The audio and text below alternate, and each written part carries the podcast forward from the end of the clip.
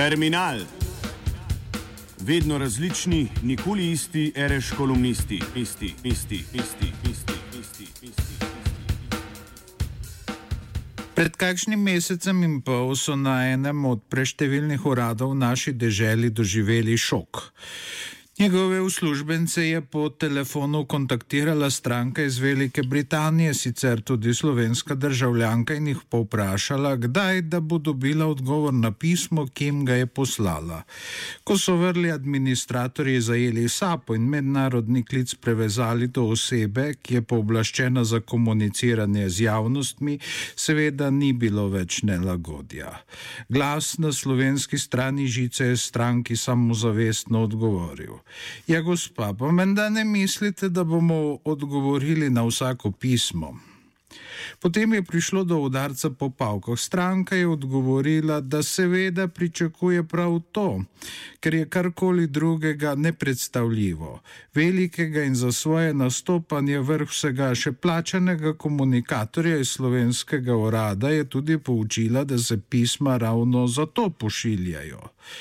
Na zadnje ga je informirala, da v Angliji vedno dobi odgovor. Poslanec njenega prilondonskega volivnega okraja, da se ji je samo umevno upravičil, ker je odpisal šele po 14 dneh.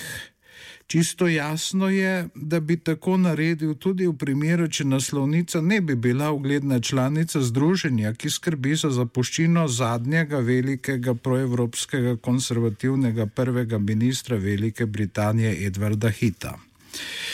Zgodovina pomni, da je doslej pisma državljanov resno jemala slehrna oblast ko se je Mihajl Afanasjevič Bulgakov marca 1930 v Sovjetski zvezi znašel v škripcih, saj so mu srednji kadri, ki jih je Josif Isarjonovič Stalin v svojih prostodušnih zdravicah večkrat slavil kot ključne dejavnike učinkovite vladavine, onemogočili kakršenkoli zaslužek. Kot značilen predstavnik do vsakršnega režima kritičnega sloja ruske inteligence je bil trn v peti tako particem kot peresnim slavivcem revolucije z Vladimirjem Majakovskim na čelu, se je s posebno poslanico obrnil na svet ljudskih komisarjev. Državno partijskemu vodstvu je pisal, naj se mu dovoli bodi si delati, bodi si uditi čez mejo. Stalin, ki je poprej že prejel osebno pisateljevo poslanico, se je potem odločil presekati gordijski vozov. 1. aprila 1930 je po telefonu poklical Bulgakova in ga vprašal, če ima sovjetske oblasti res že tako zelo vrh glave, da si želi na tuje. Ko je z druge strani žice slišal odgovor, da lahko ruski pisatelj ustvarja le doma, a da mora nekako preživeti tudi vsakdanjosti, mu je generalni sekretar sovjetske partije svetoval naj pošlje novo vlogo za službo v gledališču, ki je pred časom nehalo prizarjati njegove igre. 40 dni pozneje je bil Bulgakov že na novem delovnem mestu mestu. Podobno kot generalisim Stalin se je včasih znal odzvati tudi jugoslovanski maršalat, čeprav je bilo v Beogradu manj velikodušnosti do sovražnikov socializma, Bulgakovovega profila in kalibra. Ponekod na regionalnih ravneh so bili krmarji Titove federacije trdi celo do svojih. Tudi do tistih najbolj nadarjenih, čeprav so Miroslavu Krleži, ki je bil ponekoč znani krilatici človek od nog do leta 1945, znali pogledati ne le pot ampak tudi skozi prste, takšno dobrohotnost med revolucionarji ni bila pravilo, temveč zelo redka izjema. Tako predstavniki vrhovne oblasti v povojni Sloveniji vsaj v začetku niso čutili potrebe po odzivu, niti da vloge.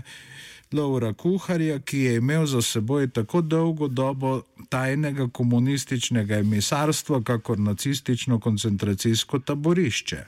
Zato ni čudno, da je pisatelj oblasti, ki jim je s svojim političnim delom, nekoliko pa tudi sugestivno umetnostjo besede utiral pot, začel ironično naslavljati enako, kot se je to počelo v dobi avstro-ogrske monarhije. Zajem so postale visoki naslov.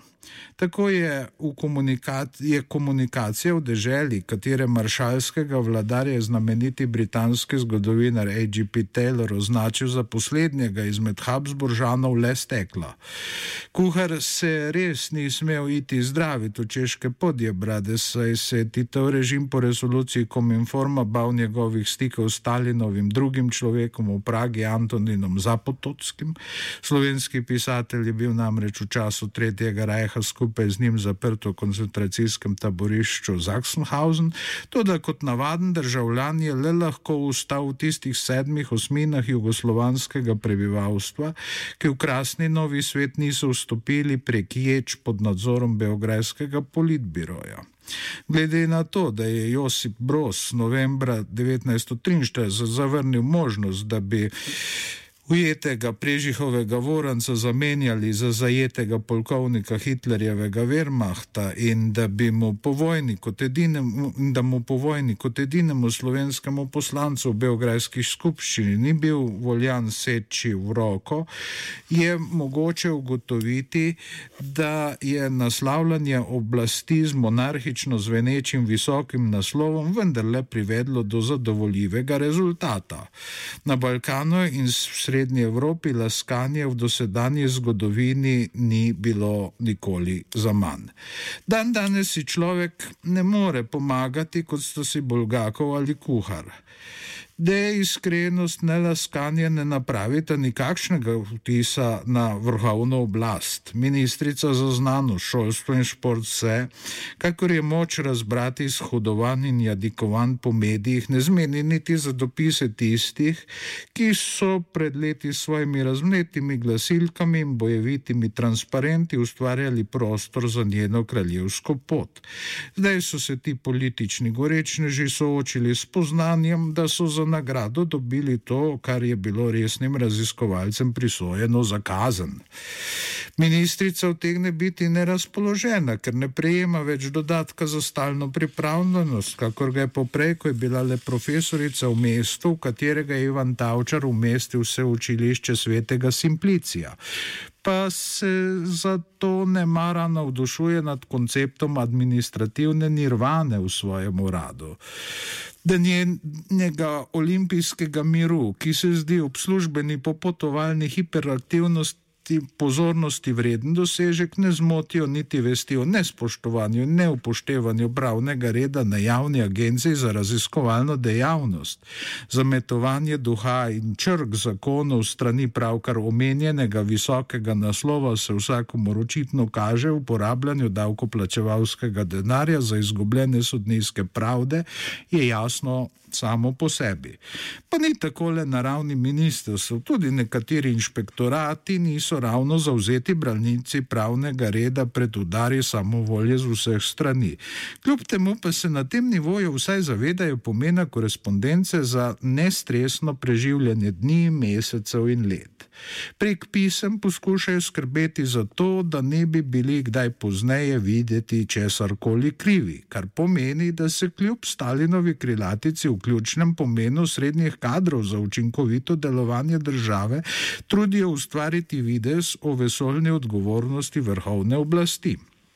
Kako se to manifestira v praksi, kaže naslednji primer z inšpektorata za javno upravo. 23. junija 2011 je omenjeni organ na ministrstvo, ki mu je poverjena skrb za znanost, šolstvo in šport, naslovil pobudo za spremembo predpisa, to je zakona in nižjih aktov, ker je ugotovil, da revolucionarne norme javne agencije za raziskovalno dejavnost presegajo sedanjim pravnim redom dane možnosti.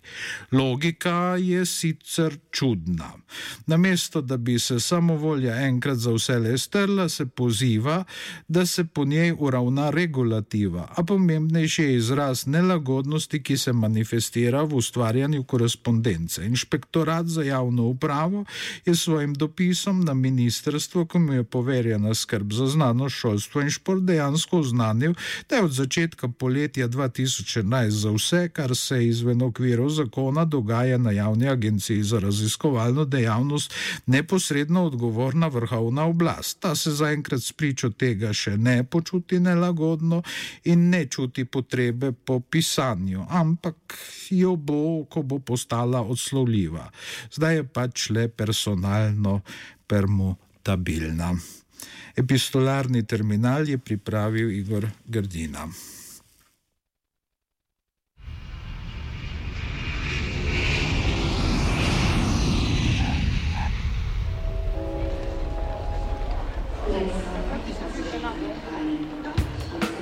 Terminal.